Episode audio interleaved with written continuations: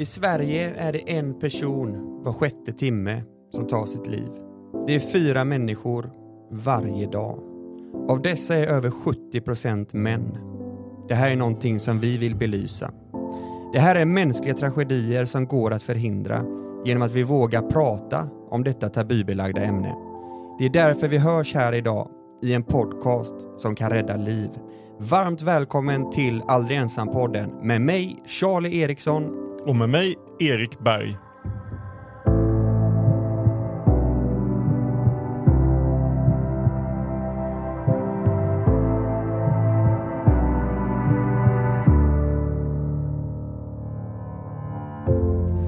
Mitt namn är Charlie Eriksson, 32 år gammal, grundare av organisationen Aldrig ensam.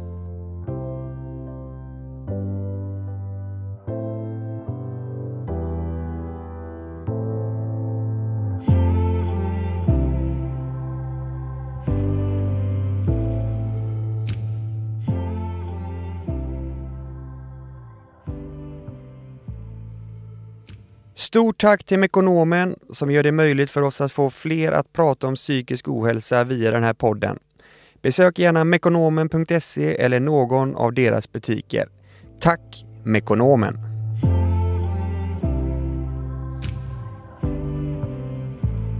Erik! Hej Charlie! Hej hej! Idag har vi en ännu en spännande gäst. Ja, vad har du för relation till dagens gäst? Ja, min relation till dagens gäst, jag skulle säga att det här är lite av en idol för mig faktiskt och någon som jag har skrattat otroligt mycket både åt och med. Alltså, åt också? Ja, Ja, men det skulle jag nog våga påstå. ja men eh, kul. Det låter ju spännande. Jag själv har också skrattat en del, det, det måste jag måste erkänna. Vi, när jag spelade fotboll i Malmö så var eh, den här ena delen av en komikerduo väldigt populär. Vi, eh, vi eh, skrattade mycket åt eh, olika, jag kan inte avslöja redan nu vad det är för karaktärer, men många karaktärer som är eh, numera klassiska. ja, verkligen. Och jag tänker att vi går direkt över till introduktionen av gästen.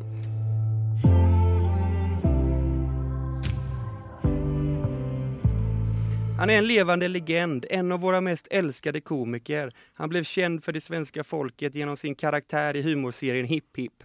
Den galna frisörskan Tiffany Persson, utrikeskorren Morgan Paulsson, Mike Higgins i klassiska svenska för nybörjare. Hans soloföreställningar har dragit fulla hus runt om i Sverige. År 2005 sommarpratade han. Programledare för Melodifestivalen 2014.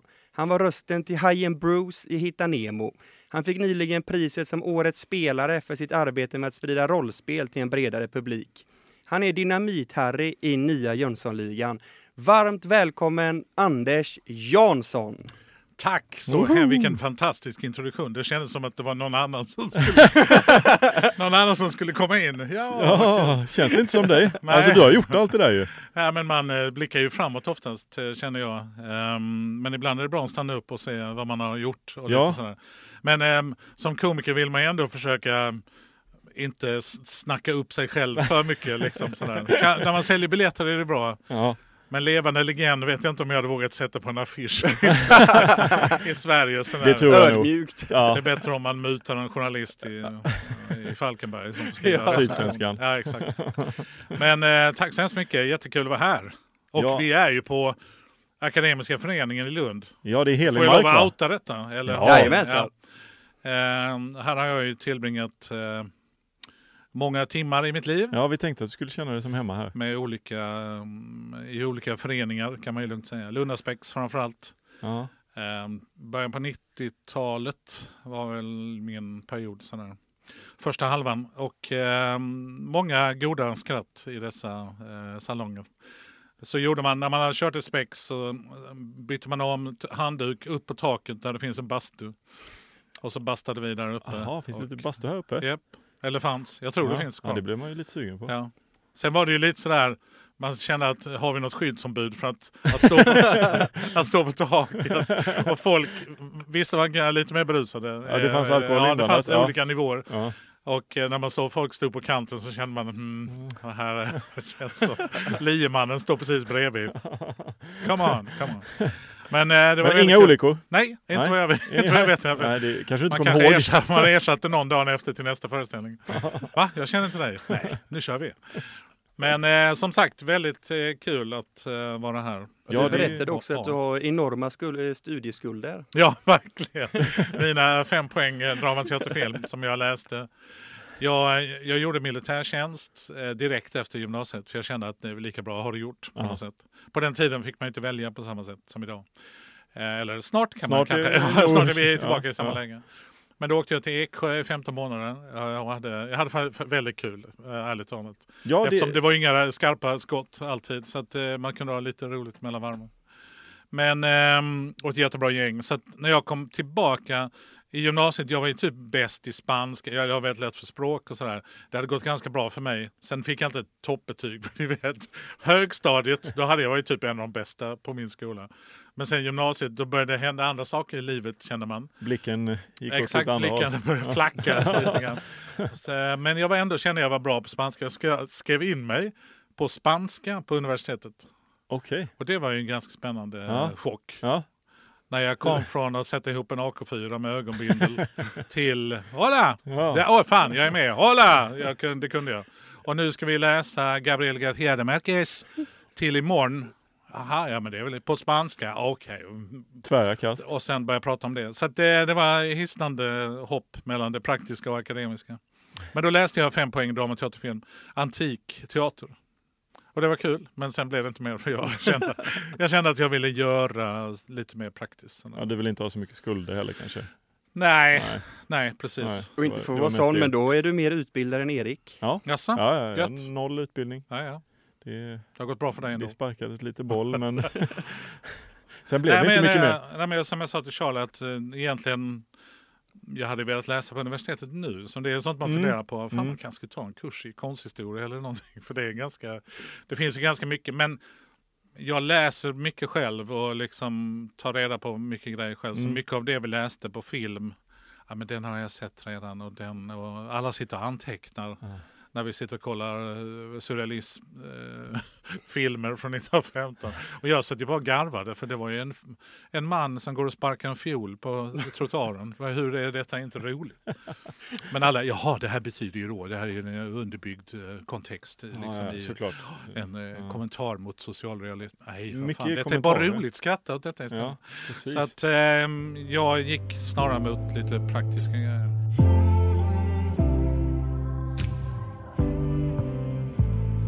Pratade snabbt om militärtjänst där. Vi som aldrig har gjort en militärtjänst, hur, hur var det? Var det, var det? Du sa att det var kul. Ja, men jag, jag, jag vet inte, jag har alltid haft, eh, när jag var liten, det var mycket med soldater och andra världskriget. Ja. Jag gillar liksom bygga modeller och måla de här soldaterna. Och när vi lekte, när vi lekte, när vi lekte andra världskriget, som man gjorde på den tiden, eh, för det var det senaste kriget. Ja. Eh, Vietnam var inte lika roligt. Nej, det var inte lika helt. Nej. Men då, eh, då fick jag alltid vara tysk, för jag var den enda som hade lärt mig Achtung! Die Leute, die Amerikaner hast ein Panzerschreck! Och sådana uttryck, Händehoch och lite sådär. Så jag fick alltid vara... Ja, du fick alltid eh, vara... jag, fick vara eh, liksom, jag, ser inte, jag ser inte jättetysk Nej. ut. Jag Nej. ser mer ut som eh, hjälptrupperna från Irland eller något. Men eh, då fick jag vara tysk. Och då hade min kompis, som inte var så duktig på språk, jag hade honom då med min Luger. Jag hade dessutom en Luger-pistol. En Den klassiska tyska pistolen som är formen. Ja, ja. Ni får googla, ni lyssnarna. Då höll jag honom, hände har amerikaner, det Schweinhund. Stod jag där och då säger han ju Don't shout. Som ju då inte betyder inte skjut utan då sköt jag honom och då undrade han varför sköt du mig? Ja, Jag fick inte skrika i Du alla får fråga någon som kan engelska. Men eh, så jag liksom, jag hade ju en eh, avslappnad inställning till militärtjänst. Jag kände också att skönt att lämna Lund lite. Mm. Ehm, och då blev jag först placerad på pansarregemente i Revinge utanför Lund. Men det var några år fram i tiden och kände att ni har inget nu. Har ni någonting nu? Ja, det är Eksjö, 15 månader infanteri. Det blir mycket springande. Ja, okej. Men jag eh, valde det och kom till Eksjö. Då stod man liksom två dagar efter att man hade tagit studenten så stod man på perrongen med sin persedelväska och tittade på alla andra vilsna 19-åringar som stod där. Eh, men det var 15 månader, jag hade skitkul, gick ner 30 kilo i militären. Ehm, Så jag var en jävla elitkille på slutet. Aha. Vann triathlon och liksom sådana här grejer. Men jag hade väldigt kul, vi var ett jättebra gäng. Sen kan man liksom, man kan ju inte fundera på om detta ska bli allvar. Och på den tiden Nej. så kändes det inte riktigt så heller. Nej, nu kommer det ju vara, om de som kliver in i militärtjänst, nu finns kommer det ju finnas större, lite... liksom, ja. ja. man ser det Ja. dagligen liksom på tv och sådär. Ja. Men då var det ändå lite mer. Men eh, som sagt, eh, jag hade väldigt kul och mycket skratt också. På, på något konstigt sätt. Och mycket strapatser. Och eh, strapat, jag gillar ju det fysiska eh, liksom, Mm. i livet. Jag gillar ju liksom jag har alltid gillat sport och idrott och träna och eh, ganska bra bollsinne och jag tycker om att göra grejer. Om vi åker ner på stranden sådär med, eller går ner på stranden med familjen, jag kan ju inte ligga och sola. Dels så får jag ju hudcancer men sen måste jag liksom i min långärmade t-shirt, kan vi inte göra någonting? Och det, det kasta frisbee eller göra något, liksom, spela strandfotboll, vilket kanske är det jobbigaste som Gud någonsin Mm. uppfunnit. Nej, så jag hade en bra, jag hade en bra period. Mm. Liksom i, och sen var jag ju färdig med det någonstans. Och då hade man fått den erfarenheten. Och inte minst liksom eh, träffa människor. Ja, hur var det? Och, för man blev väl ganska tajta i den gruppen man jobbar med? Verkligen. Men vi jag. var ju, vi var ju liksom eh, tre år i gymnasiet, vi som var i min grupp. För Ja. Vi var ju befäl allihopa. Ah. Och då låg vi en sommar och sen kom de eniga in och sen låg vi en sommar till efter att de hade muckat. Sådär. Men eh, så de jag låg med var ju, jag gick humanistisk linje på gymnasiet. Men det var ju samhälle och naturvetare och liksom fyraårig teknisk. Men de som kom in civila då på, på hösten där, det var ju eh, folk från eh, Småland och så. som Man lärde sig alla dialekter. Vetlanda, man fick första frukosten. Och två bröd, smör, havre. Så, ehm, det är verkligen ho- hobbitar hela det gänget. Man känner sig som en ork när man står bland de här korta. "Ja, vad gör du? Ge mig ett äpple till. Nej, du får inga äpplen. Skitstör. Men eh, då eh, träffar man ju, ja men till exempel i min pluton så fanns ju liksom en kille som hade ett åkeri liksom, och Ja. tre barn. Han var liksom typ 23 år Är det gammal. sant? Och han nu gick ju jävligt mycket med förlust av att ligga i militären. Ja, det kan jag tro. Själv var man ju, fan vi får ju 39 spänn om dagen, det här är ju förmögenhet. Tänkte man. Men ehm, så att det var ju kul att träffa och ni vet, eftersom jag jobbar med det jag jobbar så i princip alla människor jag möter lägger jag ju i någon slags arkiv i mitt huvud. Både röster och rörelser och maner Mm. och liksom sådär. Eller bara situationer som uppstod i militär. Alltså, när man, är, när man gör sådana konstiga grejer som i militären, liksom, eller ute i naturen, liksom, då händer det konstiga grejer. Alltså det händer konstiga grejer Situationer, som man liksom inte kan hitta på riktigt. Och det är bra att ha en bank just det. av weird Så shit. det är lag, du lagar weird shit Ja, någonstans men där. verkligen. Ja. Man säger ju det att liksom, försök skaffa vänner som inte tänker för mycket. Ja. Alltså som gör bort sig och som hamnar i konstiga situationer. Det är ingen luft i min moped. Nej, men då får du köra i alla fall. Och så blir det liksom den grejen. Ja, jag umgås en del med Carolina Gynning via min fru. Det, Nej. det är lite... Oj. eh, Vi har ju det sett, händer saker. Ja, ja, men verkligen. Vi har ju sett så många sammanhang, jag och Ja. Carolina. Ja, där, det är också så här, det händer saker där omkring. Det är Verkligen. väldigt eh, spännande att att, eh, vara med där. Nej, vi, hade ju en, eh, vi var med i programmet Bytt är bytt. Ja, just det, ja. Och där vann vi Ja. för största priset. Och skänkte det till Världsnaturfonden. En halv miljon. Ja, Ehm, vad kul. och då kläckte vi, hon är ganska mycket på Ibiza, du Mm. vet, hon är mycket där i den svängen. Mm. Och att ett realityprogram där hon lever sitt Ibiza-liv och jag går bakom henne och häcklar henne. Det hade liksom, men Carolina, fan du kan inte ha på det. Vad är det här?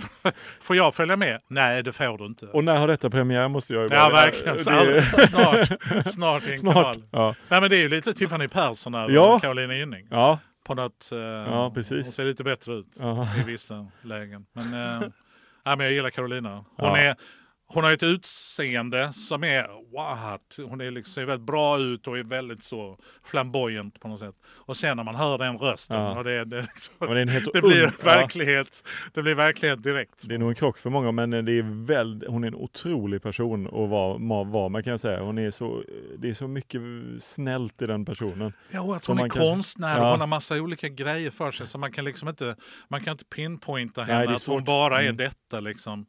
Och det där tycker jag är liksom en kul grej, om vi nu pratar om folk man möter. Mm. man får ju en bild av en människa när man Precis. ser dem. Och man är ju snabb och det är väl Ja. någonting vi har i vår reptilhjärna. Precis. Att vi ska kunna bedöma snabbt vad är detta. Fara eller inte. Ja, men precis. Ja. Ja, men lite. Man träffar någon från Vetlanda då är det alltid flight. Det är inte fight det är flight. Men eh, sen har ju alla människor berg på en historia. Och om man liksom inte är för snabb på att förkasta och fördöma och liksom bestämma sig. Då hittar man ju ofta någonting. Och man hittar ju ofta gemensamma grejer. Verkligen ja. Även om man kan till synes ligga ganska långt bort från varandra. ja. Så bara ställa en fråga till en människa eller liksom... Jag har liksom varje gång jag åkt taxi, det gör jag ganska mycket i mitt jobb, då kollar jag i vilket land de kommer ifrån. Mm.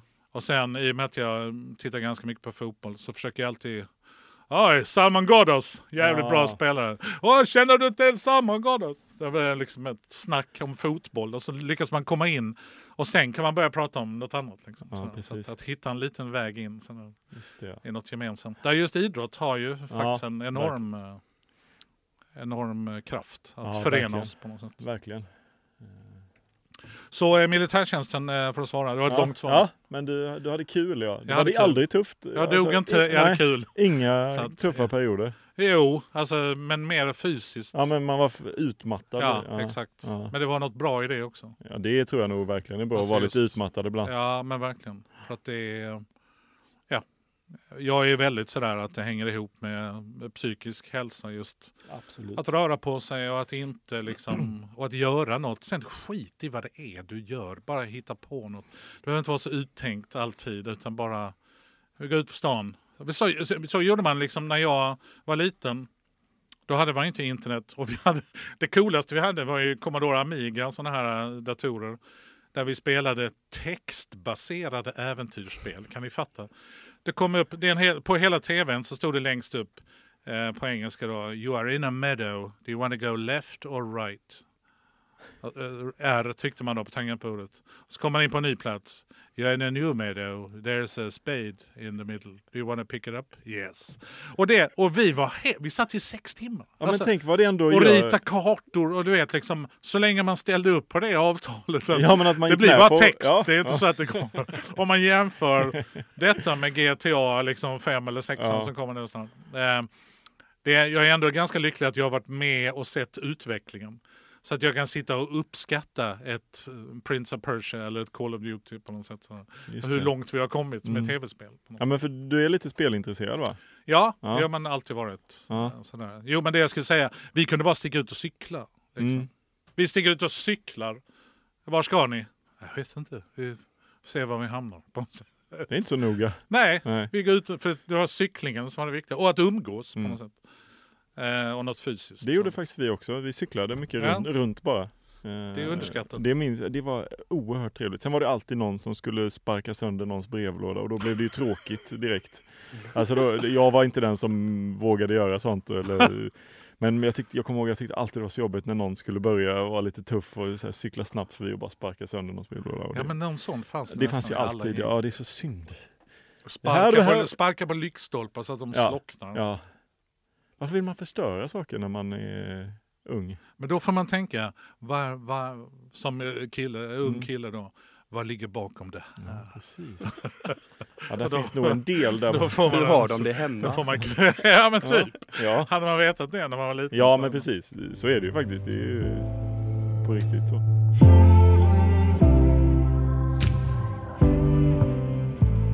Du är uppväxt i, i Lund va? Ja. Mm. Och hur, hur var den uppväxten? Var det... Jo, den eh, var ganska bra har jag en känsla av. Jag tror att vi bodde liksom... Vi har bott i... Min bror är född i Karlstad. De bodde i Stockholm. Där tror jag att jag var med. Men jag det var så vaga bilder av mig i några galonbyxor och sådär. Staffanstorp bodde vi i någon, men då vet jag inte om... Jo, det var precis när jag föddes.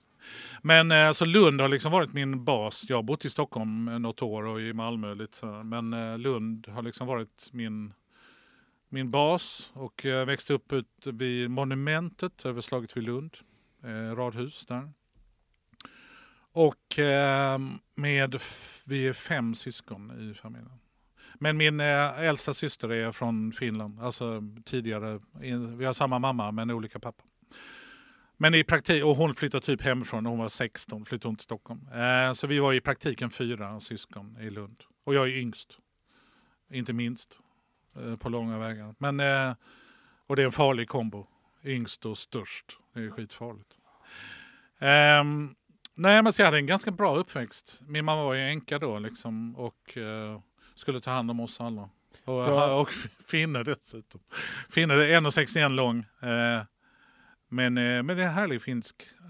så att hon, hon lät mig göra ganska mycket vad jag ville. Alltså jag... För din pappa gick bort tidigt? Ja, precis. När jag var sju så dog han i Hodgkins sjukdom. Han var bara 35 år gammal. Vilket är, när jag fyllde 35 så fick man ju en chock. Liksom. Jag fyllde 35 nu i december. Ja. Så att, liksom, eh, jag förstår... har inte hunnit någonting. Nej. Alltså verkligen. Jag hade hunnit skaffa eh, ganska många barn, men ja. det var ju bra jobbat. Um, Hur påverkade det dig eh, alltså sen när du tittar tillbaka på det? Ja, jag vet faktiskt inte. Alltså, ibland finns det en tendens, tycker jag, när man ska analysera sig själv, vilket ju många människor gör. Mm, ja. Eh, alltid, inte alltid helt rätt med resten av världen, resten tycker vänner och bekanta. Nej, jag är inte alls sån, jag är mer så. Mm. Ja, mm. mm kan, ja, visst, absolut. God jul. Eh, ibland kan jag tycka att det finns en tendens att man man skyller väldigt mycket på sin barndom. Eller liksom man lägger, ja men det är bara därför att din pappa dog när du var sju. Och liksom sådär. Ja, jo, det är ju en stor händelse. Men å andra sidan, mina syskon blev ju hårdare drabbade. För de hade ju känt honom under en längre period. Jag var egentligen den som kom lindrigast undan. Ja, ja, ja. Han jobbade ganska mycket, han var journalist och jobbade mycket. Eh, skulle jobba på SVT, jag skulle precis börja jobba på SVT i Malmö. Med typ reportrarna, Uppdrag granskning. Okay. Mm. Men, eh, så jag träffar inte honom så mycket. Så för mig är han ju liksom en vad ska man säga, en, eh, som en Jesusfigur. Det fanns inget fel på honom. Ja, han eh, var aldrig arg på mig, han, eh, du vet, mm. Skrek aldrig. Utan Nej. han var ju liksom bara toppenfarsan som ja. fanns på en bild och lite andra album och sånt. Ja. Men jag har inte så många konkreta minnen sådär. Nej, det förstår jag. Det var ju tidigt. Men vad det, gjorde, vad det gjorde med mig som person var ju att jag blev lite Nietzsche jag fick någon typ av... Uh, um, du, du kan inte gnälla om inte din förälder har dött, typ. Det... Alltså om mina vänner kom, Åh, jag tycker det är så himla jobbigt, min mamma och pappa ska skilja sig. Hej motherfucker! Mm, min pappa dog. Ja, för du, ja. liksom, det är ja, där det. på den nivån. Mm. Här nere tycker jag liksom, och det, fan, det har liksom funnits som ett drag. Har det hjälpt dig någonting i livet tror du? Ja, ja, oh ja, ja. absolut. Um, och det finns, ju, det finns ju alltid två sidor ja, av um, olika saker. Men det har hjälpt mig att jag, in, jag ser inga problem. Du ältar inte? Nej, jag ältar inte. Jag ser inga problem. Jag är så otroligt pragmatisk kring, okej nu har detta hänt, vad gör vi nu? Mm. Hela tiden liksom. Men å andra sidan, ibland mm. måste man kanske få älta lite. Ja. Ibland måste man liksom få tycka att det är jobbigt innan man kan gå vidare. Precis. Och framförallt, alla andra kanske inte exakt kan vara som du. Nej. Men då har jag känt, kom igen nu för fan, sluta liksom. Mm det här, sluta vara ledsen. Liksom. Ja. Jag är jättelätt för att gråta, det har jag alltid haft.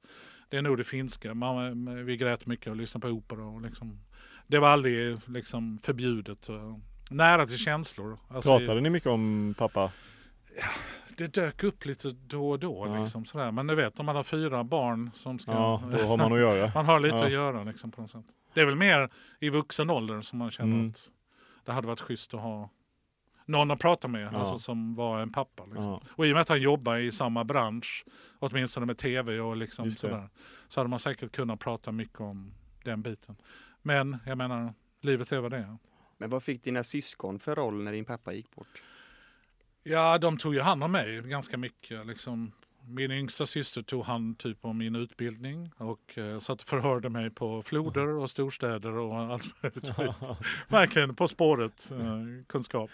Men vi har alltid premierat kunskap och språk och att uttrycka sig och att lite engelsk. Vi häcklar varandra ganska mycket i familjen. Alltså ja, med, ja. Det gäller att vara snabb som fan. Och där, det var ju en träning för mig i att öva upp sig att nu måste man säga någonting roligt. Nu måste man vara snabb som fan för annars har de andra och det blev som en uh, utbildning nästan för ja. uh, min associativa förmåga. Liksom.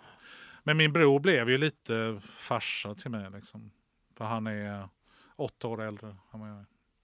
Men det var ju ändå att han var ute och åkte moppe med sina polare och jag fick stå i mål när de spelade fotboll och sådär.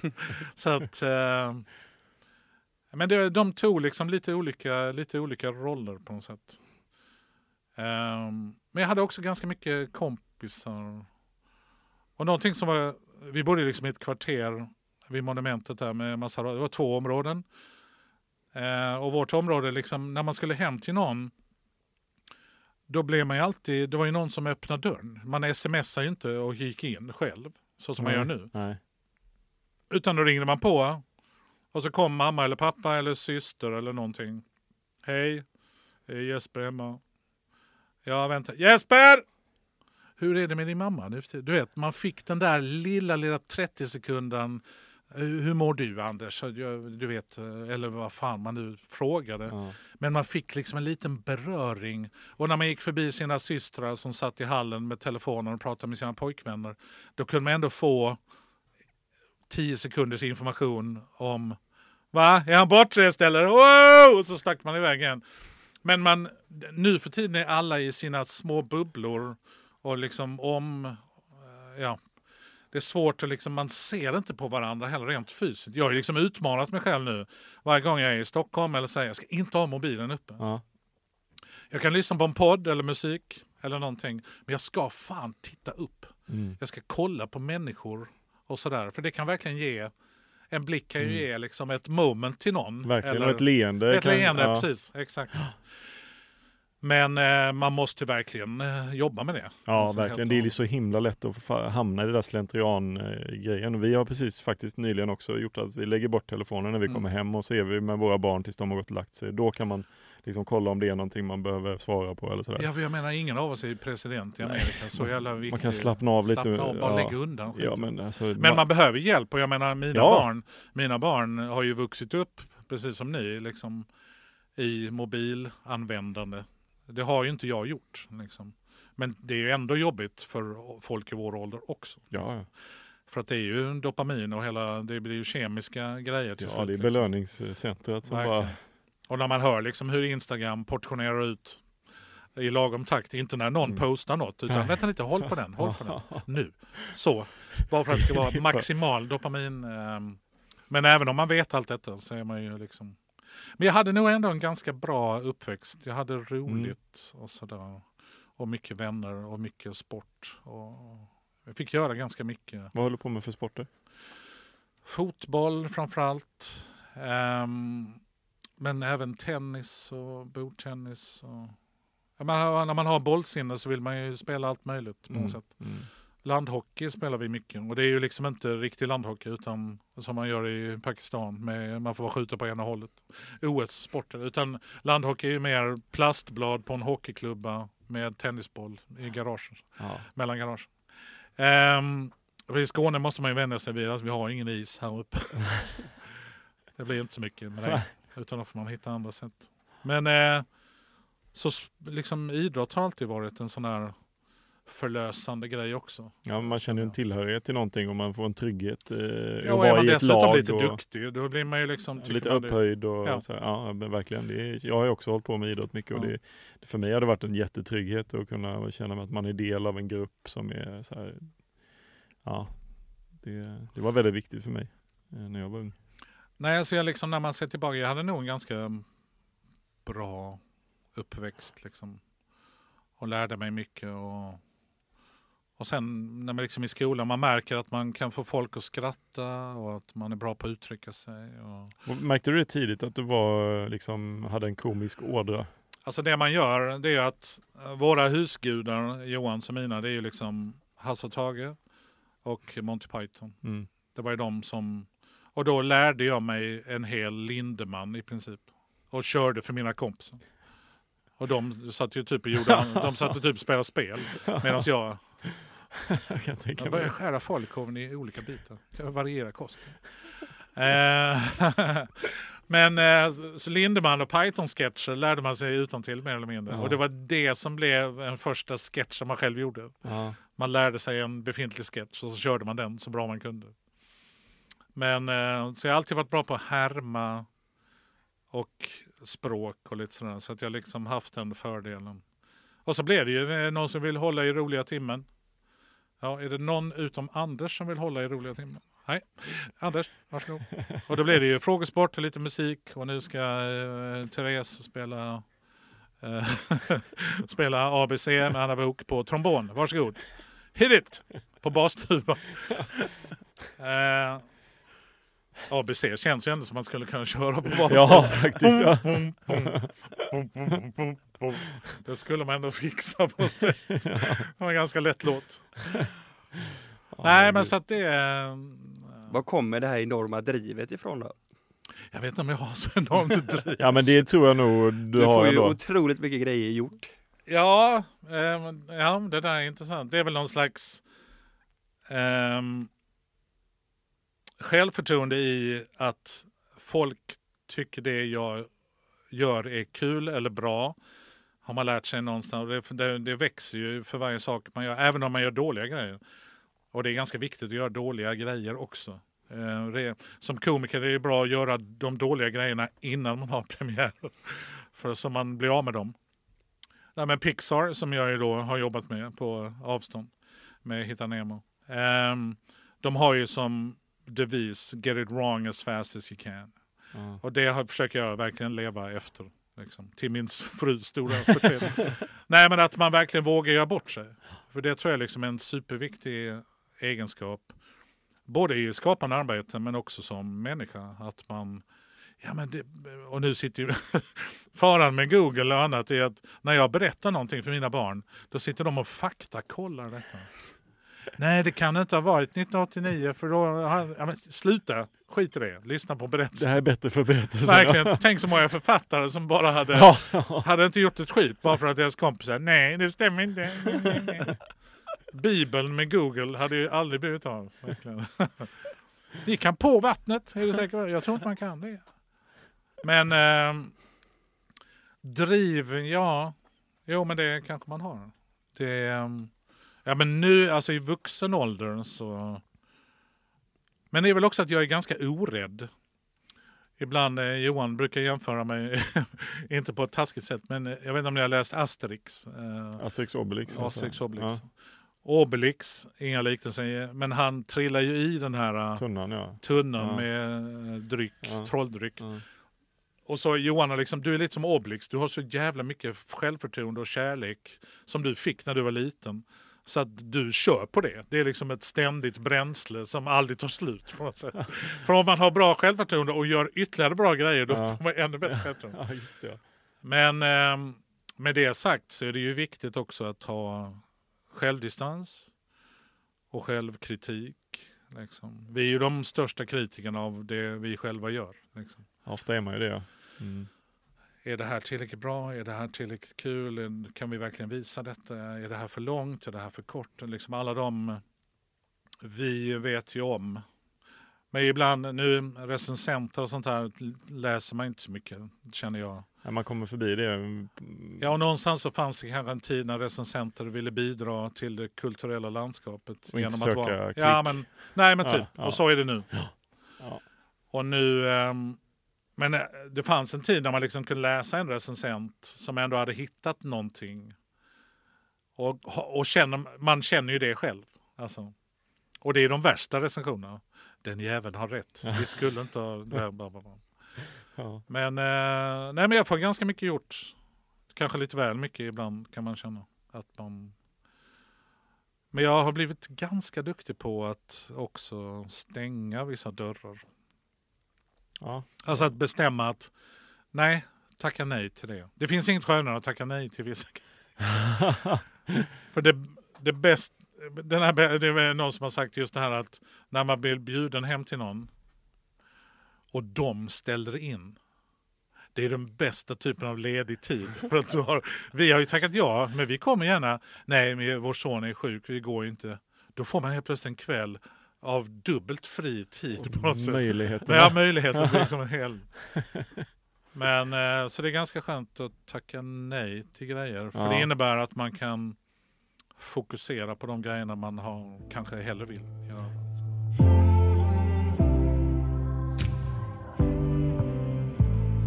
Och på tal om att få grejer gjort då, så ska jag läsa en liten grej här och se vad du får för känslor. Prokrastinering är ett annat ord för att vi skjuter upp eller förhalar saker som behöver göras inom en viss tid, trots att vi vet att det kommer att få negativa konsekvenser. Är det här något begrepp du har en relation till? Mhm. Absolut. ja, min fru också. Det är, och det blir dubbelt åt helvete när hon och jag ska När ni gör det ihop? Ja, typ. Det blir värsta, värsta.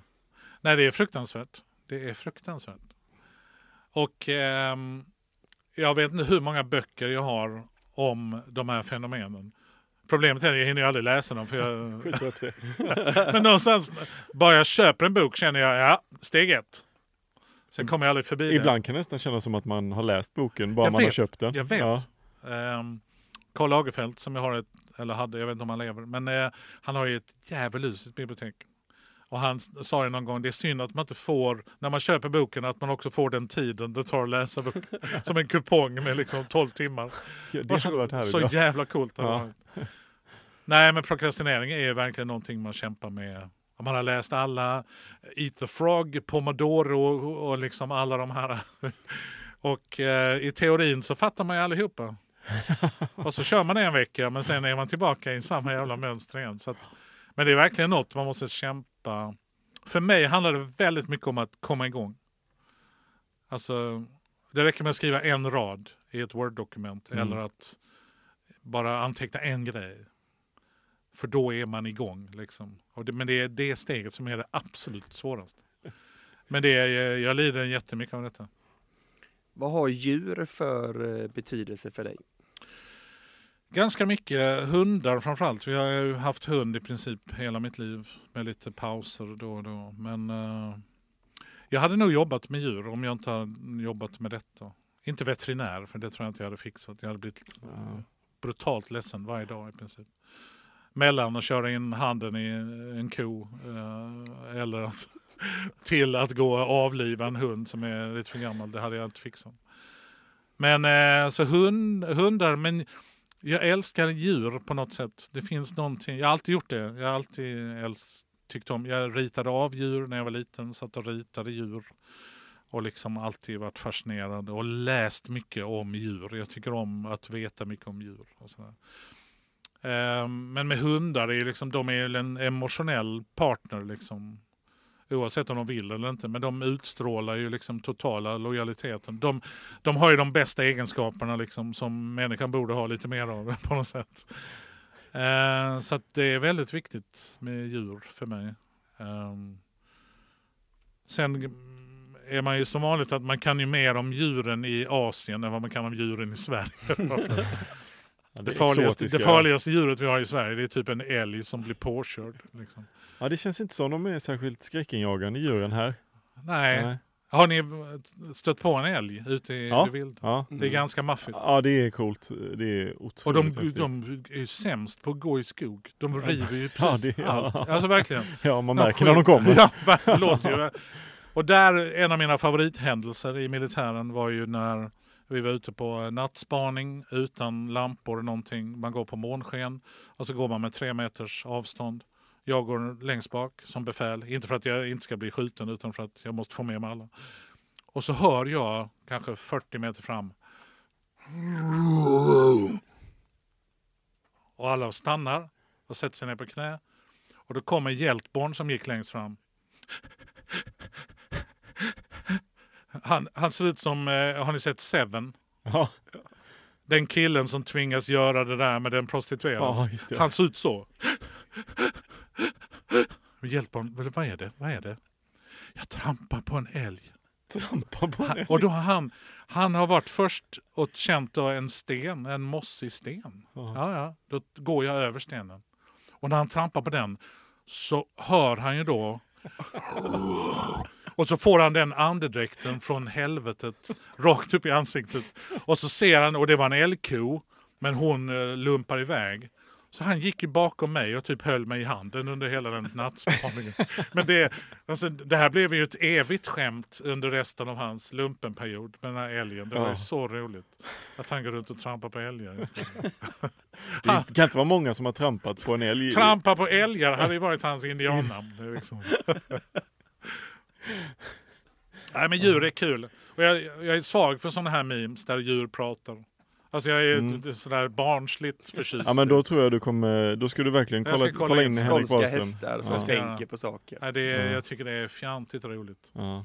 Ja men ni vet, det finns ju så många olika Ja. filmer på hundar. Ni vet han, en av de första var ju chefen som typ trodde att han skulle få mat. Huh? Yeah? Yeah? What? No.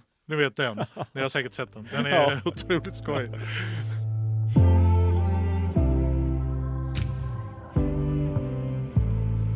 Från djur till en annan sak som är roligt. Det är ju att du har en roll i nya Jönssonligan. Ja, Så, en sista genomgång. Dr. Dino Dreyer anländer klockan 09.35. Inga förseningar så vitt jag vet. Vanheden, du har adressen till hotellet? Gullmarsvägen 12, Johanneshov. Ja, se nu till att han stannar kvar där. Självklart. Harry, mm, hur låter nu ugglan? Ja. Hallå! Hallå? Hallå? Eller mer. Nej, ho, ho. Hallå? Nej, ho, ho. Nej, ho, ho. Ho, ho. Högre. Här kommer lilla jag. Ja, det var inte lätt att hitta hit kan jag jag säga. kan inte, jag kan inte det. Kan vi inte... Vi spränger oss igen.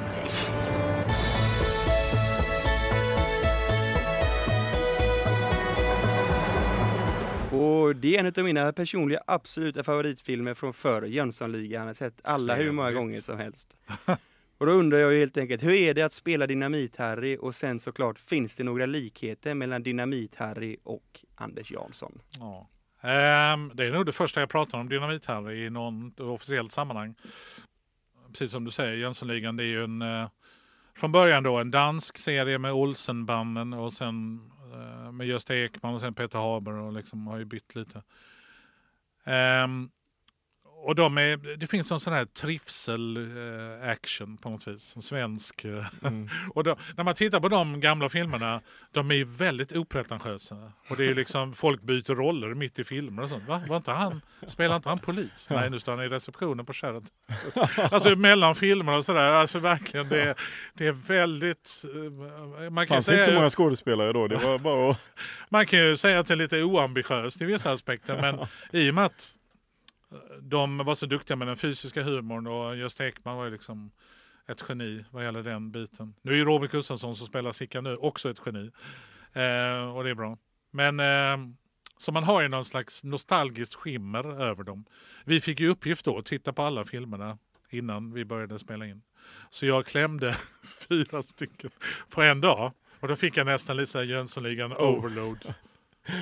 Ja, det kan jag förstå. Vilken är din favoritfilm då från Jönssonligan? Jag tycker nog Major, är det den där de, man åker till Mallorca? Ja, det- Den tycker jag är ganska, för det, dels är det miljö. Korset! Så bra kan jag inte dem. gjorde ju Ödlan och brorsan. Ja, det, det. Shit vad ni kan de här. Jag tror att min generation, jag vet inte, vi missar dem tror jag lite grann. Ja, Eller på något vis, antingen var vi för unga eller liksom, jag har någon slags, jag vet inte, jag tycker de är söta och, och sådär, men det var inte de filmerna jag kollar på. Alltså sådär. Nej, men de har ju någon typ av kultstatus i Oh ja, Sverige. och så här. Det finns ju som du säger mys-action. Det funkar Ja. för hela familjen nästan. Och det, Lite så. det är en så här lägereldsfilm för, Ja, ja, för verkligen. Sverige. Ja, Lite som Sällskapsresan liksom var på sin tid. Ja, men precis. Så inga förväntningar nu. Eh, Nej, precis. och det är ju alltid problemet när man Ja. ska göra om en filmserie som är omtyckt. Jag menar i alla franchises som finns med Bond och liksom när man helt, ja det kommer en ny Bond. Nej, han ser inte rätt ut. Sen visar det sig, ja han var ju ganska bra ändå när man väl ger honom en chans. Så det, man har ju alltid ett skimmer av nostalgi. Men om man går tillbaka och tittar på filmerna, mm, det där var inte så jävla kul. Nej, Men det kommer ju vara en generation av unga människor nu som kommer ha er som Jönssonligan. Kanske, vilket, vilket kanske. Kommer, kanske kommer vara nostalgiskt för dem Kanske. sen längre fram. Men Björn Gustafsson som spelade Dynamit-Harry. Mm. Första filmen var det ju Rocky, det var ju han finlandssvensk var han, eh, som gick i skinnjacka. Och han, eh, men sen, ja den heter väl till och med och Dynamit-Harry den filmen när de träffar. Och Björn Gustafsson är ju en av mina favorit, svenska, alltså, svenska favoriter. Inte minst när man såg honom i Emil, liksom, som ju kanske är en av de bästa rollerna någonsin. Eh, eh, Drängen Alfred. Ja, man blir så i- glad av att se honom. Jag, jag, men det blir så varm känsla. Jag tycker, tycker han har så fin omhändertagande. Verkligen, verkligen. Så att jag, jag gör liksom, ja verkligen, men Mm. samtidigt så som Dynamit-Harry så fick jag möjlighet att göra liksom lite annorlunda Dynamit-Harry. Och det är ganska skönt för då jämför man inte riktigt rakt av. Liksom. Nej, det förstår jag ju. För det är svår, men däremot är det svårare för Robert som gör Sickan för att han måste vara på ett visst sätt och liksom prata på ett visst sätt Mm. så att man ska känna att det är han. Hur är det med ölen nu då? Ja, jag tror jag håller mig, eh, jag håller mig ifrån. Vilket passar mig ganska bra för jag tycker inte om öl. Åh vad kul, ingen här Är det inne gör det. sant? Ah. Vi gillar inte heller öl. Tre män i ett rum som inte gillar öl, det är inte ofta. Tre män utan öl, det är en ny, en ny podd. Nej, men jag kan tycka den där första klunken på sommaren när det är kallt, alltså det kan jag fatta, Mm. att det är gott. Men sen tappar jag totalt intresset av detta. Och liksom, ja men ni vet, jag gillar ju Premier League och Mm. fotboll. Jag kan ju också tycka att måste ni dricka så jävla mycket för att gå på fotboll? Alltså, för det blir ju män i grupp plus alkohol är lika med våld. Jag har upp, upplevt en del eh, situationer kring det där. Och men det, det är nästan som att man inte får säga det. I, Nej, nej. Åh, det är det bästa som finns, åka till Liverpool och ta några öl och gå fotboll. Och... Nej, men måste man ha, måste det ingå på något sätt? Några öl är också ofta Ja, 10-15. Nej, så att eh, jag är någon slags eh, korsriddare som förespråkar gin och tonic istället. Okej. Lite mer civiliserat sätt. Det blir lugnare så. Hoppas vi får se någon sån riktigt rolig anläggning då, för han har ju ofta att ölen kommer ner på ett häftigt sätt. exakt, precis. Nej, vi har gjort några sådana passningar till hans tidigare liv. Sådana. Ja, det blir kul att se. Och de har, eh, rekvisitaavdelningen har letat upp originalgrejerna. Som han hade i sin uh, lya. Och de finns i bakgrunden. Så det är en riktig sån frysbild. Ah, Det är den som man använde i den filmen. Och där är den eh, grejen. ja, kul, det ska man leta efter då ju. Men denna filmen tror jag liksom ändå försöker ta ett steg och bli lite spännande nutid. Sådär. Mm. Men ändå göra mycket hyllningar till det som har varit. Men hälften kommer gilla den, hälften kanske kommer inte gilla den. För, så blir det ofta med de här filmerna. Men vi, eh, vi gör så gott vi kan i alla fall. Och, eh, Vi kommer titta i alla fall. ja. Ja. de är gjorda med mycket kärlek. I alla Mm. fall. Det är Men- det viktigaste. Men apropå det här med sport och fotboll och det. Hur, hur mår du när Arsenal förlorar? Då? Går det ut över ditt mående mycket, ditt Ja. fotbollsintresse? Ja. Ja. Men eh, Arsène Wenger, vår eh, legendariska coach, eh, han sa ju eh, dessutom på pudelfranska då.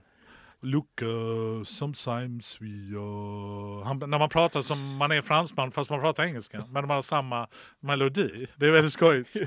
Well, we tried to uh, maybe uh, next time. Uh, mycket sådana grejer. Men han sa ju When you lose a game uh, you have uh, 24 hours.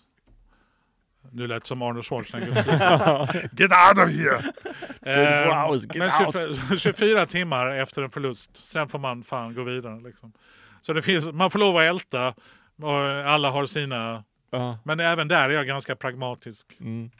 Det är mer att jag, jag kan bli förbannad på andra lag. Och just denna säsongen är det ju domarna som är vår stora Ah, ja. nemesis. Ja. Men det blir ganska tjatigt att man hela tiden... Ofta är det domarna. Ja. Ja.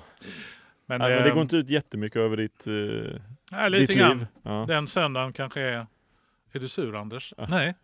Det gör inte. Men Nej, kan jag du inte. glädjas mer åt ett annat lags förlust än ditt eget lags Ja. vinst? Yes. Det, Nej, det, inte mer.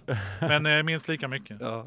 När förlorar Tottenham, eller nu Newcastle som är mitt nya hatlag. Ja. Um, oljegängen ehm, och Chelsea. Liverpool och till och med United tycker jag liksom, de har så mycket eh, problem just nu. Så det är nästan taskigt att tycka illa om dem.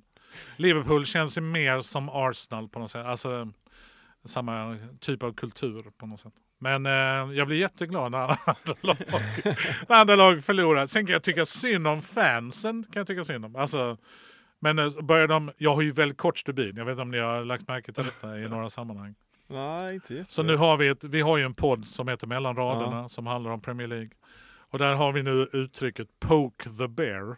Björnen, är det är jag då. Ja, Björn. ja. Och där jag är som en sovande björn, men är det någon som säger något på Twitter, då blir det direkt. Är du aktiv på eh, X eller vad det heter nu? ja? Nej, det här kommer jag aldrig säga. Nej. Men eh, hur mycket Musk än vill. Han tycker så mycket om X-bokstaven. Han känns för mycket som en Bondbov tycker jag. ja, det är otroligt. Ehm, när han har den vita katten, då måste vi dra öronen åt oss. Vänta nu, vänta nu. Ja, nu, då, då börjar det ändå... Och han har opererat in det där chippet i alla människor. Ja, då barkar du åt Då jävlar håll. tar jag min hund och sticker till Falkenberg. Ja, där är det lugnt. Nej, men ehm, vad pratar vi om nu? Fan, vi byter för mycket parenteser. Så att- komma ihåg. det ska man göra. Det är roligt. Du Nej, kan var fortsätta vara sporten. Ars Wenger, det var kul. Ja, precis. Ja, absolut. Min eh, Yoda, min franska Yoda förebild. Han är så jävla klok, Wenger. Vad gör han nu? Han har, tror det eller ej, han har jobbat på Fifa med att han har en liten uppgift. Han ska utveckla fotbollen i världen. Så att han har en ganska stor uppgift där. Sen vet jag inte om Fifa är en ganska korrupt organisation. Ja, Har varit i många år och har ju gått igenom skandal efter skandal. Och nu, ja men nu kommer ju den här personen och så vet man om att det kommer en dokumentär om sex år om den personen som också... Ja det är så jävla deppigt kan jag tycka. Alltså ja fruktansvärt. tråkigt. Just när man Det är just när pengar samlas på ett ställe. Alltså, ja, så och, när man, pengar. och, och gubbar. Det är Ja. någonting med att fan, det är Ja. bara gubbar allihopa. Ja. Vad är, kan ni inte få in lite kvinn, kvinnor i organisationen? Alltså på något vis. Och där känner man hur viktigt det är någonstans med liksom trycka in Mm. liksom, lite mångfald i Ja. olika... För att de här jävla vita gubbarna. Gubbstyrt ja, det blir ju...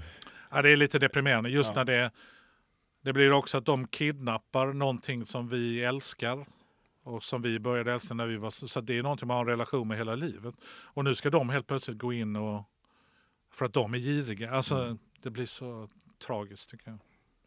Men Wenger, vi får se var han dyker upp. Han kanske tar över något sådär franska landslaget eller Ja. jag tror inte han kommer träna men han kanske blir liksom ansvarig på något sätt. Men nej, jag har honom som en jävla förebild i många eh, stycken.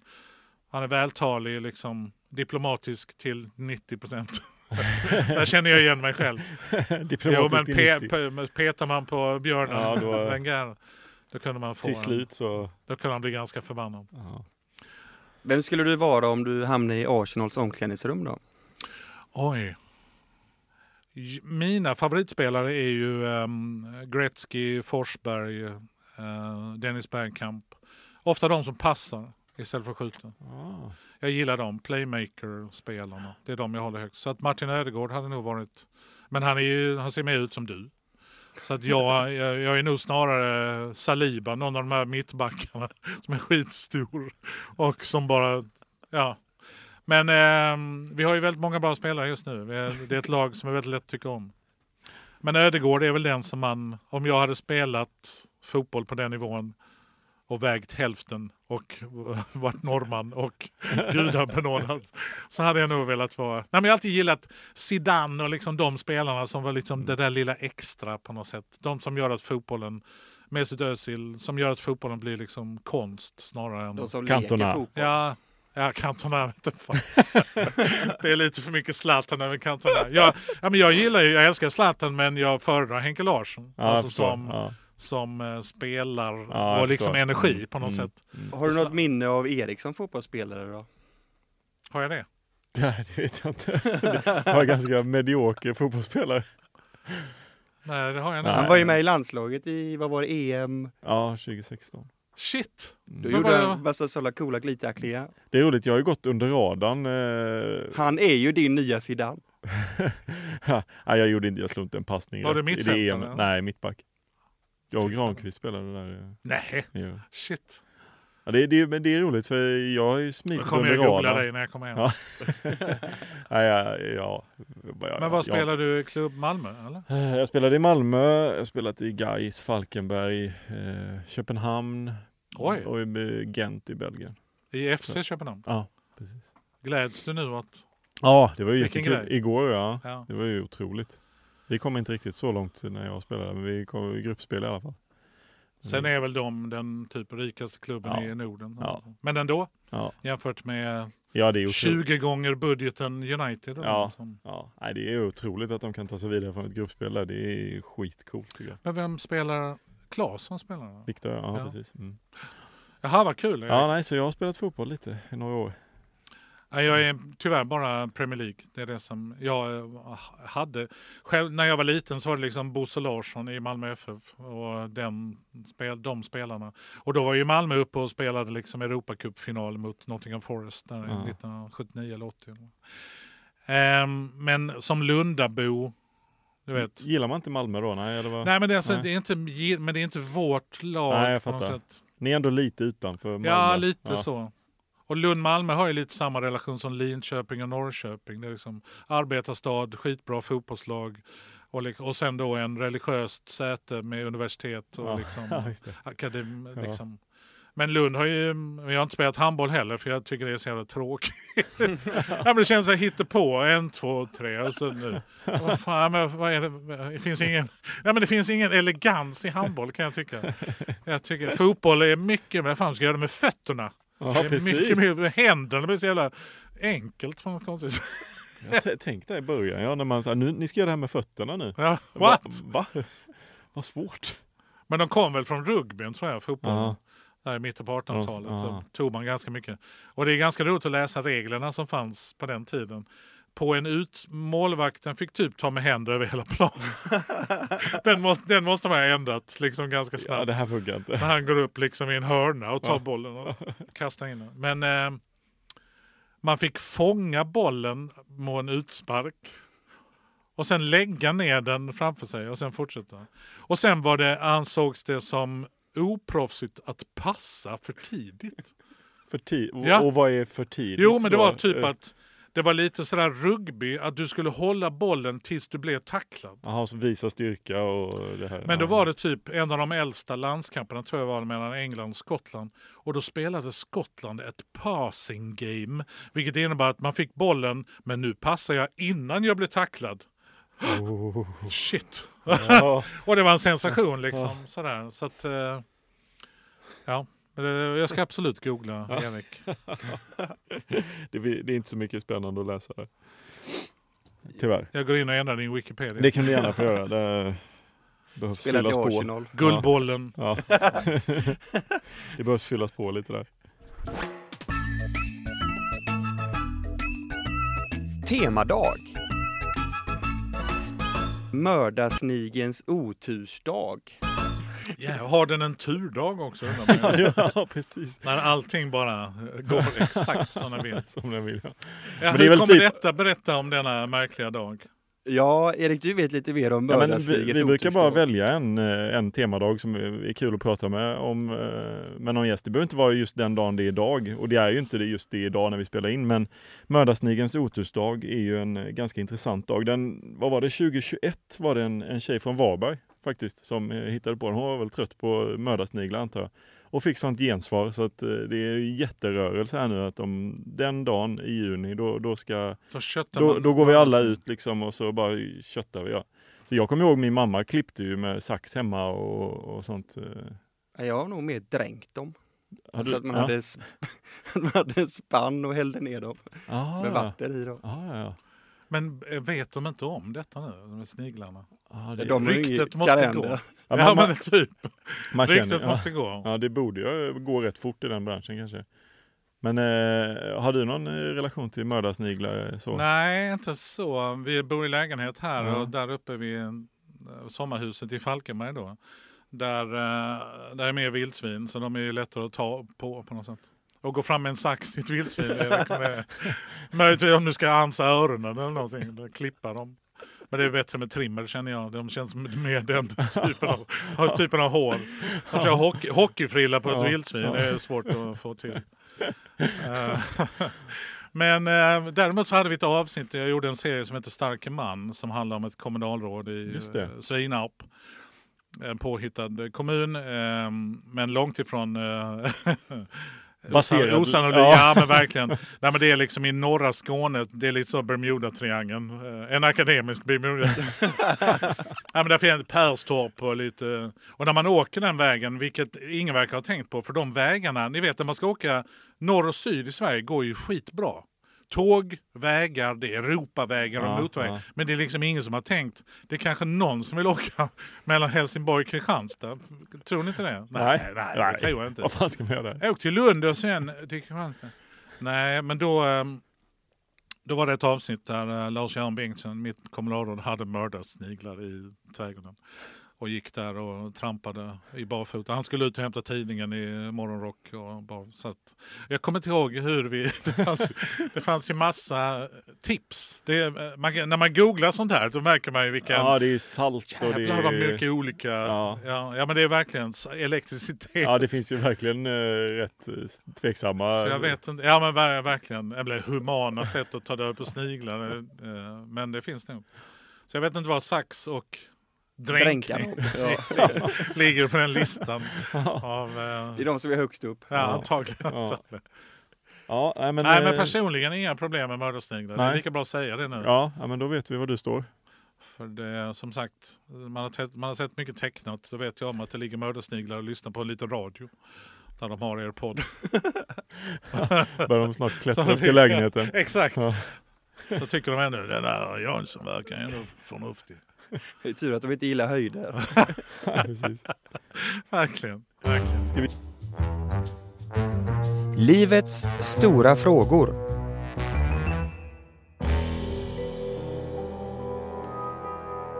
Om djur kunde prata, vilket djur skulle du då tycka var roligast tror du?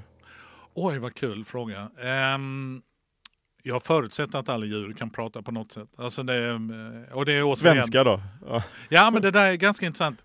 När jag ser hundar, och hund är nog mitt svar. För jag Ja. har hund. Ja. Jag, jag vet inte om han är bra om han kan prata. uh, får jag ost? Kan jag få lite ost? Kan jag få en bit? Du vet, det blir jävligt tjatigt. Men han kommer ju då, ehm, det är en Australian Shepherd, men de kommer inte från Australien, de kommer från Spanien. Egentligen. Va? Jag vet. De forslade får från Australien till USA. Och plockade upp fårhundar på vägen liksom, i Spanien. Så när han kom till USA, Hey look at that dog, he's from Australia. Eh, no, no, soy de Madrid. Eh, soy spanjol. Han var spansk. Nej, du är australiensare. Och det är en jävla nerköp. Så hund är nog... inte. hund är nog mitt djur. Ja. Jag tänker att de pratar olika språk beroende på vad hundras. Så att en schäfer, Achtung, die amerikaner, han tyska, kör nog. ja, ja. Ihre papieren bitte, känns som en rottweiler skulle jag kunna säga. Ja, ja, En pudel då? Uh, I don't know, maybe French. Ja, I ja. know. What are you looking at, you stupid person? Mm. De känns som eh, engelska med fransk brytning. Merde. Salut! Ja. Ja, men pudlar kan se sådär, äh, alltså från oben, äh, verkligen. Ja. De kan ju ha den blicken. De är fisförnäma. Ja, och de är ju de intelligentaste hundarna Mm. enligt alla, alla tester. Ja, man tror inte Nej. Ursäkta, men till, se hur det ser ut. Ja, Har inte det någonting? Nej. Men det är kanske ett statement. Ja. Att jag vill se ut så här. Jag vill ha en Mm. boll längst ut min just det. svans. Bara för att reta dig. Du är fashionista. För det fixar de själva. ja. En fashionistapudel. Ja, men, Vilket djur identifierar du dig med? Eh, jag är ganska stor som person. Liksom. Eh, inte i sinne utan i kropp. Eh, så jag, identif- jag identifierar mig nog med större djur. Sådär. Isbjörnar och sånt. mer, ah, mer på den nivån tror jag. Mitt favoritdjur är ju järven eftersom jag gillar den superhjälten. Och så börjar man titta vad är det för djur och de är ju skitcoola.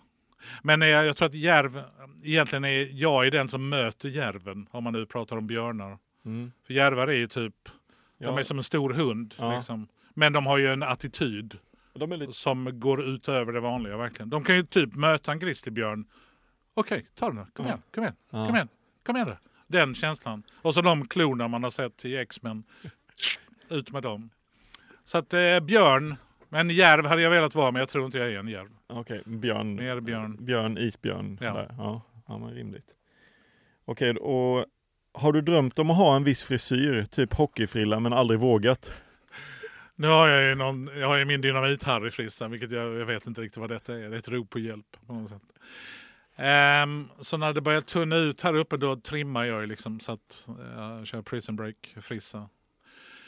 Ja, när jag var liten så hade jag väldigt mycket hår och långt hår. Och min mamma från Finland, eh, inte, nej Anders med T. Anders, ska inte klippa dig. Eh, hon tyckte inte jag skulle klippa mig. Så där hade jag nog kunnat odla hockeyfrilla. Ja. Men jag visste nog inte vad det var. Du har aldrig drömt om någon speciell Nej, att se ut som Jaromir Jagr har jag nog aldrig drömt om. Även om jag gillar Ja, ja. honom som spelare. Men nej, hockeyfrilla, nej. Ja. Det känns inte typiskt Lund. Ingen heller. mohikan heller eller någon, liksom nog spikes eller något sånt? Nej, nej, faktiskt inte. Jag har nog kört crew cut sådär Mm. lite militär. Praktiskt på något sätt. Praktisk frisyr. Men inte, nej, inte uttrycka mig med hjälp av mitt hår. Min son har ju, som är 19, han har djävulusiskt långt rött hår. Ja, Så han ser, han ser ut som Robert Plant i Led oh, Zeppelin. coolt. typ. Ja. Och ganska smal, men liksom vältränad men smal. Och då det jävla håret. Och så han, han köper bara kläder på Erikshjälpen. Ja. Så han ser verkligen ut som en sån Ja, eh, Robert Plant. Woodstock. Ja, Ja, men, ja. Står med en vit duva i någon, en jeans, bara en jeansväst. Ah, ja, precis. och ingenting under.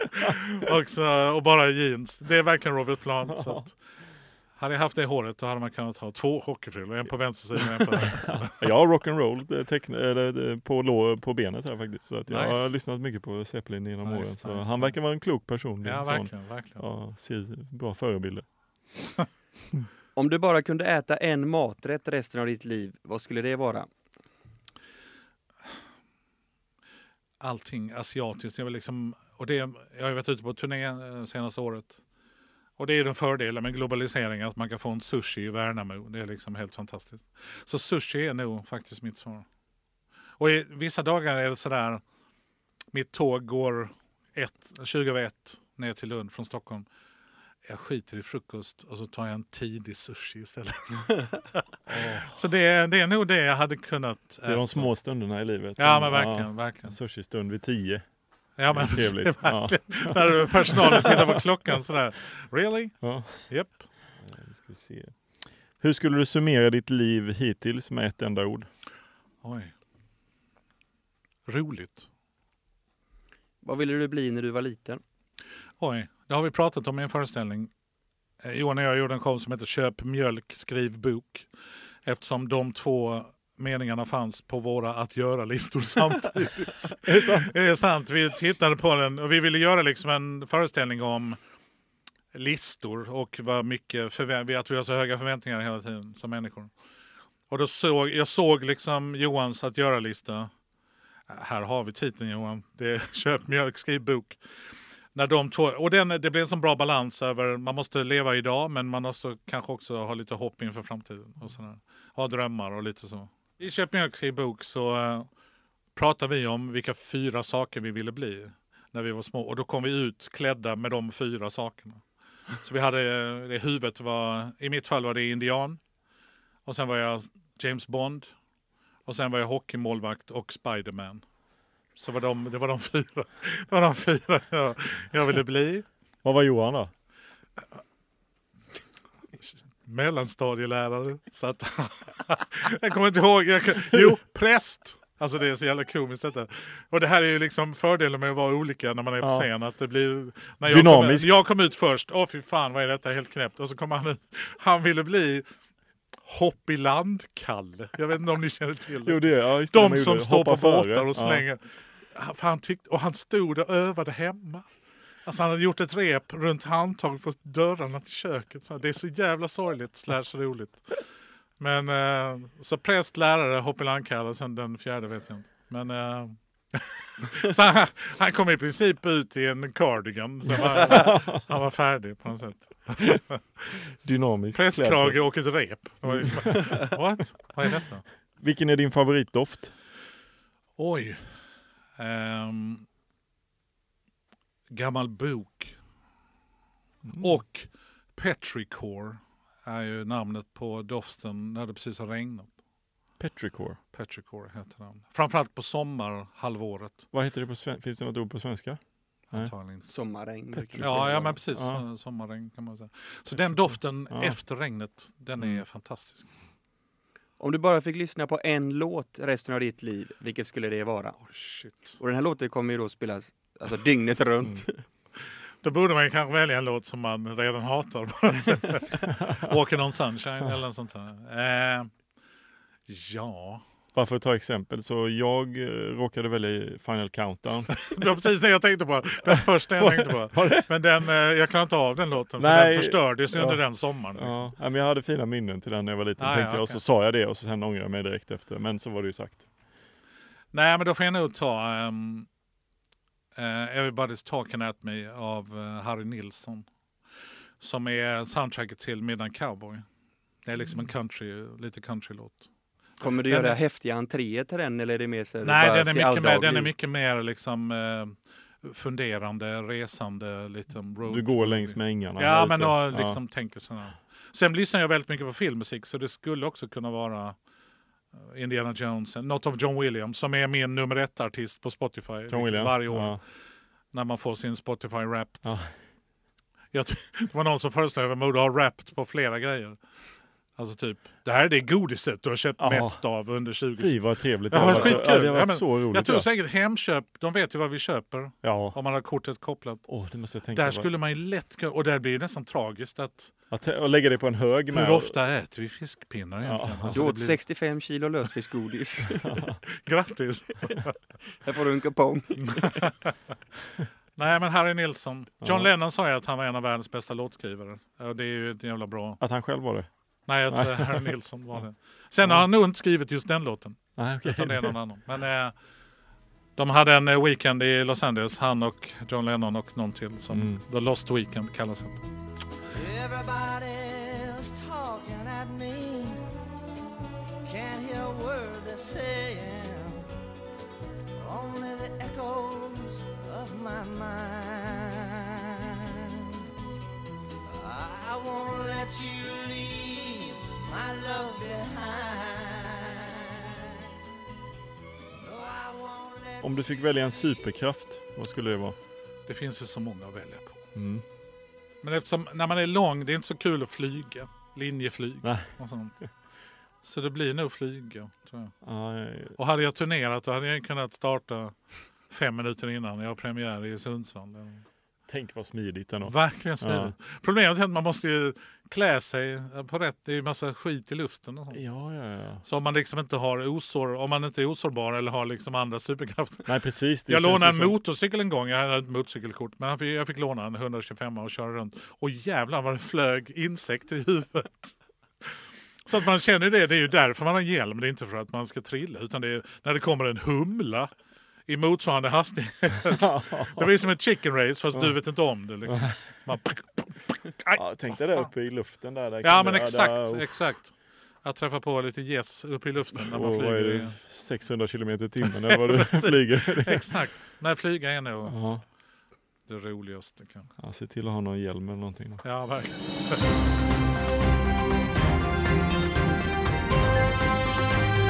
Vetenskapliga sanningar.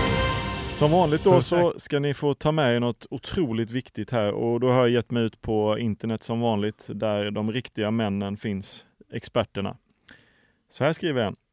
En riktig man vet när det är okej att använda vax i håret eller när det blir fjolligt, fel eller olämpligt. Ja, då tackar vi experterna.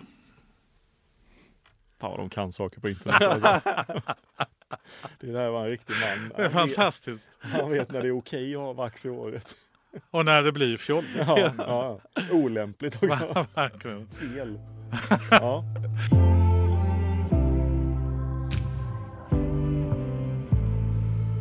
Vits med Erik Berg. Är det sant? här jävla, ja. Ja, jag är från Falkenberg, västkusten. Då, Är det lite ja, vitsigt? men då är det förväntat att Ah, man ska ja. ha Jag kul. kan i princip inga. Nej, och inte jag egentligen heller. Men nu har det blivit att jag ska dra vitsar här men varje det- vecka och det, det, ja, då får man ju göra det. Och då undrar jag ju då vilket musikinstrument som är varmast. Varmast. Mm.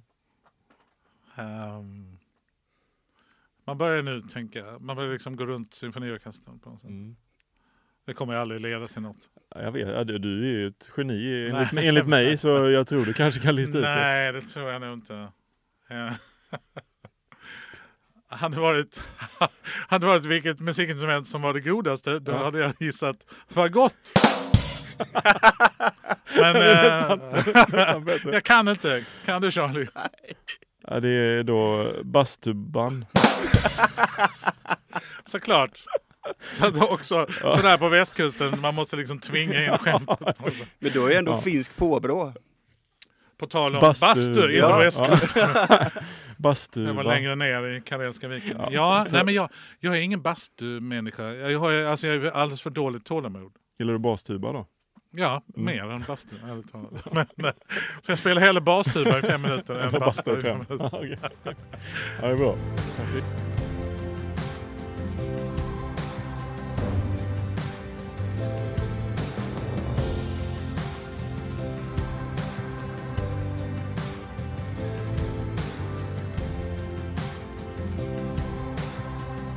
Låten i podden är den officiella låten för Aldrig Ensam, You're Not Alone med artisten Kristoffer Gresela.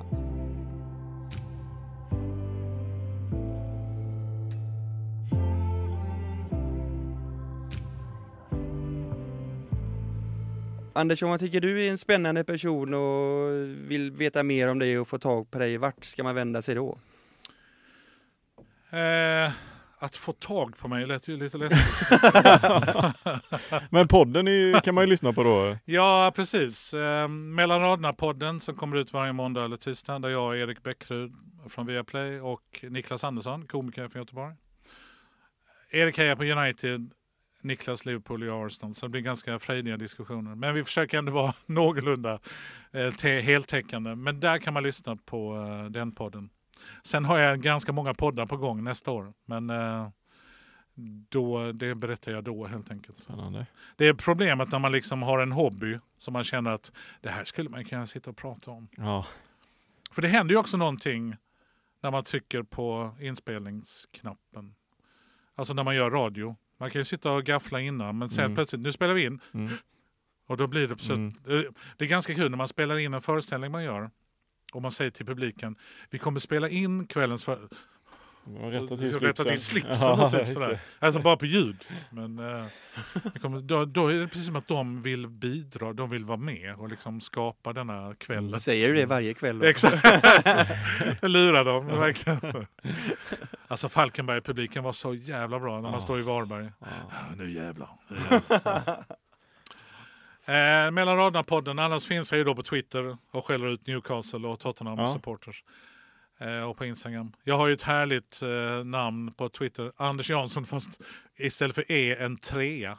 Så det är väldigt Ja. mycket farsa på stan-varning Mm. på det namnet. Coolt tycker jag. Verkligen Ja. coolt. Det tycker jag.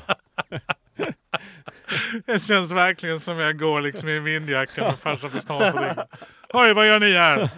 Eh, Sluta snacka. Här. Kan det inte vara Jävla kul. knarkare, jävla Ja. knarkare, gå hem knarkare. Usch. Ja, strålande. Eller i Falkenberg på somrarna. Ja, Ja, där Boberg. se- Boberg ja. Boberget. Nej, kom inte dit. Då har vi våra tyska nudister där. Så att då får man vara försiktig var man trampar någonstans. Men eh, Willys i Falkenberg.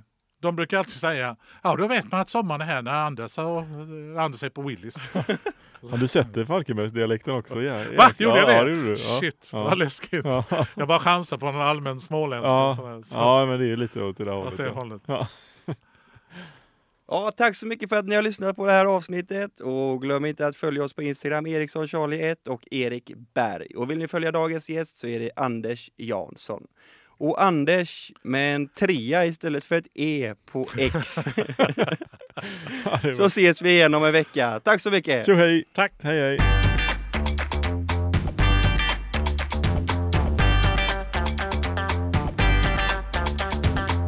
Karina Bergs visdomsord. Det är lättare att skita i en fingerborg än att vara alla till lags.